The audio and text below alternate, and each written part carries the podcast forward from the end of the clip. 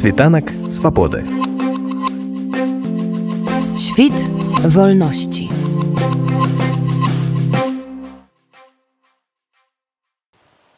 Календар быў створаны камандай байпрасвет і стаў лагічным працягам аднаго з іх папярэдніх праектаў, прысвечаных святу жанчын 8 сакавіка. У гэтым праекце тэма выбітных жанчын была пашыраная, а унікальным яго зрабіла не толькі тэматыка, але і тое, што ўсе надпісы ў ім выкананыя на беларускай лацінцы. І дарэчы, гэта не апошні праект у такім накірунку, бо як адзначыла арганізатарка мерапрыемства і прадстаўніца каманды байпрасвет, адчуваецца патрэба сярод беларусаў у тэкставых прадуктах выкананых на на белорусской латинце. Команда Вайпросвет, она довольно большая часть, это девчонки. А в какой-то момент мы сделали календарь, э, историк с иллюстратором работали, посмотрели, что довольно много исторических фактов про мужчин или как про какие-то события, где мужчины задействованы в основном, и решили для девчонок сделать прям отдельный э, календарь. Мы довольно долго думали над названием. В итоге родилось белорусский культурный код, створенный женщинами.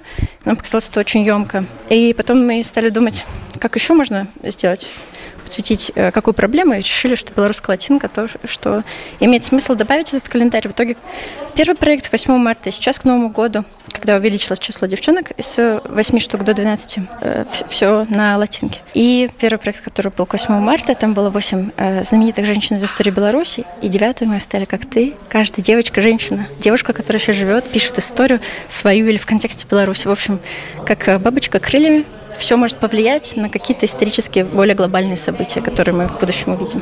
Калі пачынаеш вось там шукаць кнігі яшчэ што-небудзь на лацінцы ну не так лёгка знайсці як вы да гэтага прыйшлі і ці плануеце вы далей працягваць працу гэтым накірунку да Мы сегодня весь вечер обсуждали э, о том, что этот проект имеет, и пришли к выводу, что этот проект э, имеет смысл продолжать, что в этом много смысла, что действительно мы довольно мало знаем э, про женщин в истории Беларуси, в частности. Но звучит, как будто эта проблема имеет место быть не только в Беларуси. Поэтому наш проект еще больше имеет смысл, то есть в таком более глобальном масштабе. Латинку выбрали.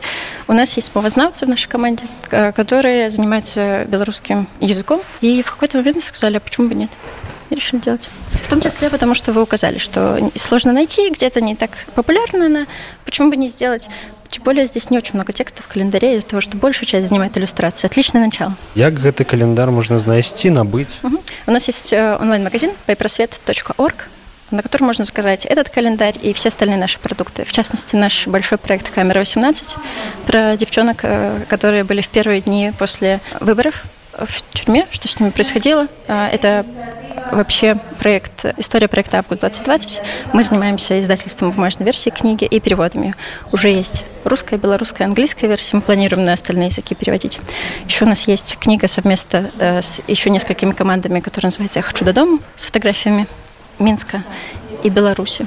И мы также стараемся объединяться с другими проектами, поддерживать друг друга. То есть в разные моменты на нашем сайте можно э, найти разные продукты от разных э, ребят, разных команд. В основном, конечно, белорусских. Все деньги, которые э, приходят к нам на сайт через продажу товаров, мы направляем на поддержку независимых независимой прессы на территории Беларуси. У першы выпуск календару увайшлі выбітныя беларускі з перыяду ад 15 стагоддзя і да нашых дзён. Гэта Софья гальшанская, францішка Уршуля радзівіл, Саламея Русецкая, Ганна Тюндавіцкая, Эмілія Плятар, Рохля Фрумкіна, Каміля Марцінкевіч, Алаіза Пашкевіч, Надзея Хадасевіч Лежа, Алена Аладова, Ларыса Геніюш і Марыя Калеснікава.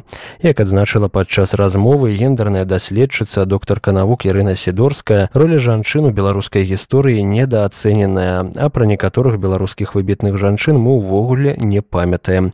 Але спадарня Ірына ўпэўненая што аднойчы выйдзе і такі календар у якім будуць змешчаныя імёны не менш чым 365 беларускіх выбітных жанчын бо такіх жанчын у нашай гісторыі даволі шмат. Яны мяне запрасілі сказалі што гэта будзе першы жаночы календар календар у якім якім вобразы знакамітых беларускіх жанчын. І яшчэ календар гэта на беларускай лацінкі. Гэта безумоўна прэцэдэнт. Такога раней не было.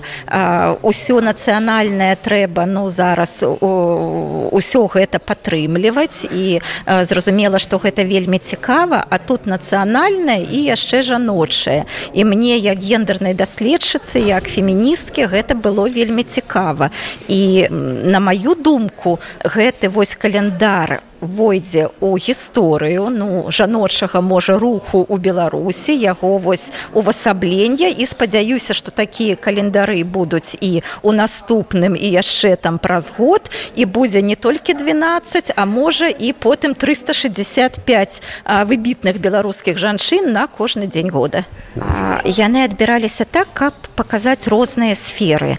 Там было мастацтва там было прадпрымальніцтва і там былі вось тое чтобы мы назвалі бы гістарычнымі асобамі. Ну напрыклад Сафія гальшанская якая там была і а, маці князёў і сама князёўняй і гэтак далей. Вось трэба было паказаць жанчын з розных сфер. Не з менавіта з адной сферы. Хаця вось я так думаю а можа будуць потом календары там вось выбітныя жанчыны ў беларускім мастацтве там у прадпрымальніцтве у палітыцы і гэтак далей далей а тут вось трэба было паказаць што ў розных сферах яны былі і вось што цікава былі вось сярод прадпрымальнікаў былі жанчыны напрыклад пра аліварыю ну вось я жыла ў мінску і побач з аліварай я вельмі добра ведала пра графа чапскага і я думала што гэта ён як бы стварыў а оказывается гэта стварыў не ён гэта стварыла яўрэйская жанчына беларускага паходжання а чапскі быў ужо там праз больш чым 10 гадоў гадоў мне гэта вось ну здаецца вельмі так паказальна. І вось увогуле роль жанчыны ў беларускай гісторыі. Наколькі яна недаацэненая і наколькі яна вяліка яна недаацэненая і недаацэненая безумоўна у вельмі такім вялікім маштабе. Мне складана называць нейкія лічбы але ну а, зразумела што мы і так не вельмі добра ведаем беларускую гісторыю. І вось і закон таго што некаторыя імёны рэгіёны як бы ўвайшлі ў пантэон суседніх краін і таму мы можа іх не разглядалі я ўпэўнена што мы ведаем яшчэ вельмі няшмат. Трэба адзначыць што калі раней у гісторыі зневажэння ролі жанчын было натуральным але грамадства амаль ва ўсім свеце гэтага пазбавілася то ў беларусі на жаль рэжым лукашэнкі і ён персанальна па-ранейшаму вельмі непаважліва ставіцца да ролі жанчын у грамадскім жыцці і ў палітыцы. Такое стаўленне у тым ліку праявілася і праз негалосную забаву забарону рэабілітаваць выбітную беларускую паэтку ларысу геніюш але як адзначыў у каментары нашаму радыё ігар станкевич зараз існуюць планы па рэабілітацыі яе ў чэхі грамадзянкай якой ларыса геніюш заставалася да самай смерці. Так хутчэй ідэя якая тычыцца рэабілітацыі ларысы геніюш таму што напрыканцы 90-х ну па-першае трэба адзначыць што она ніколі не была грамадзянскай савецкага саюзу. І калі камуністычныя ўлады чехславакі перадавалі ўжо пасля вайны яе савецкі савецкім уладам яна не перайшла ў савецкае грамадзянства. Она была грамадзянкай чехаславакіі і яе асудзілі і саслалі ў лагеры я, як грамадзянку чехаславакі напрыканцы 90 беларускі хельсінскі камітэт праваабаронцы спрабавалі дамагчыся ейнай рэабілітацыі. Справа дайшла да пракуратуры справа дайшла да вярхоўнага суда але вярхоўны суд адмовіў у рэабілітацыі. І тое што мне распавядалі людзі якія гэтым займаліся у прыватнасці гары паганяйла праваабаронца што хутчэй за ўсё забарону на рэабілітацыю даў асабіста лукашенко. А таму што ну па-першае у беларусі тэма рэпрэсію яна не падтрымліваецца ўладамі яны замоўчваюць а тым больш калі была рэабілітаваная паэтка знакамітая беларуская лукашенко не любіць просто жанчын асабліва выбітных да то гэта пайшло б наперакор ягонай палітыцы. Ну і зараз ёсць ідэя просто вярнуцца да гэтай тэмы крышку з іншага боку. Ўжо у беларусі натуральна мы нічога зрабіць не можам але мы зможам паспрабаваць каб чэшскія ўлады нейкім чынам прасоўвалі гэтую тэму бо гэта іхная грамадзянка і яны могуць спрабаваць уздымаць гэтыя пытанні па меншай меры на дыпламатычным узроўні. Альбо хаця просто рабіць нейкія мерапрыемствы у самой чэхі пакуль ёсць ідэя пакуль ёсць размовы з чэхамі і я ведаю што там па-перша некалькі арганізацыяў якія займаюцца вось посткамуністычнай спадчынай якія таксама штосьці думалі пра генію ж але мне падаецца што варта з імі скаардынавана штосьці пачынаць рабіць у гэтым кірунку. Світанак свабоды. Світ вольнасці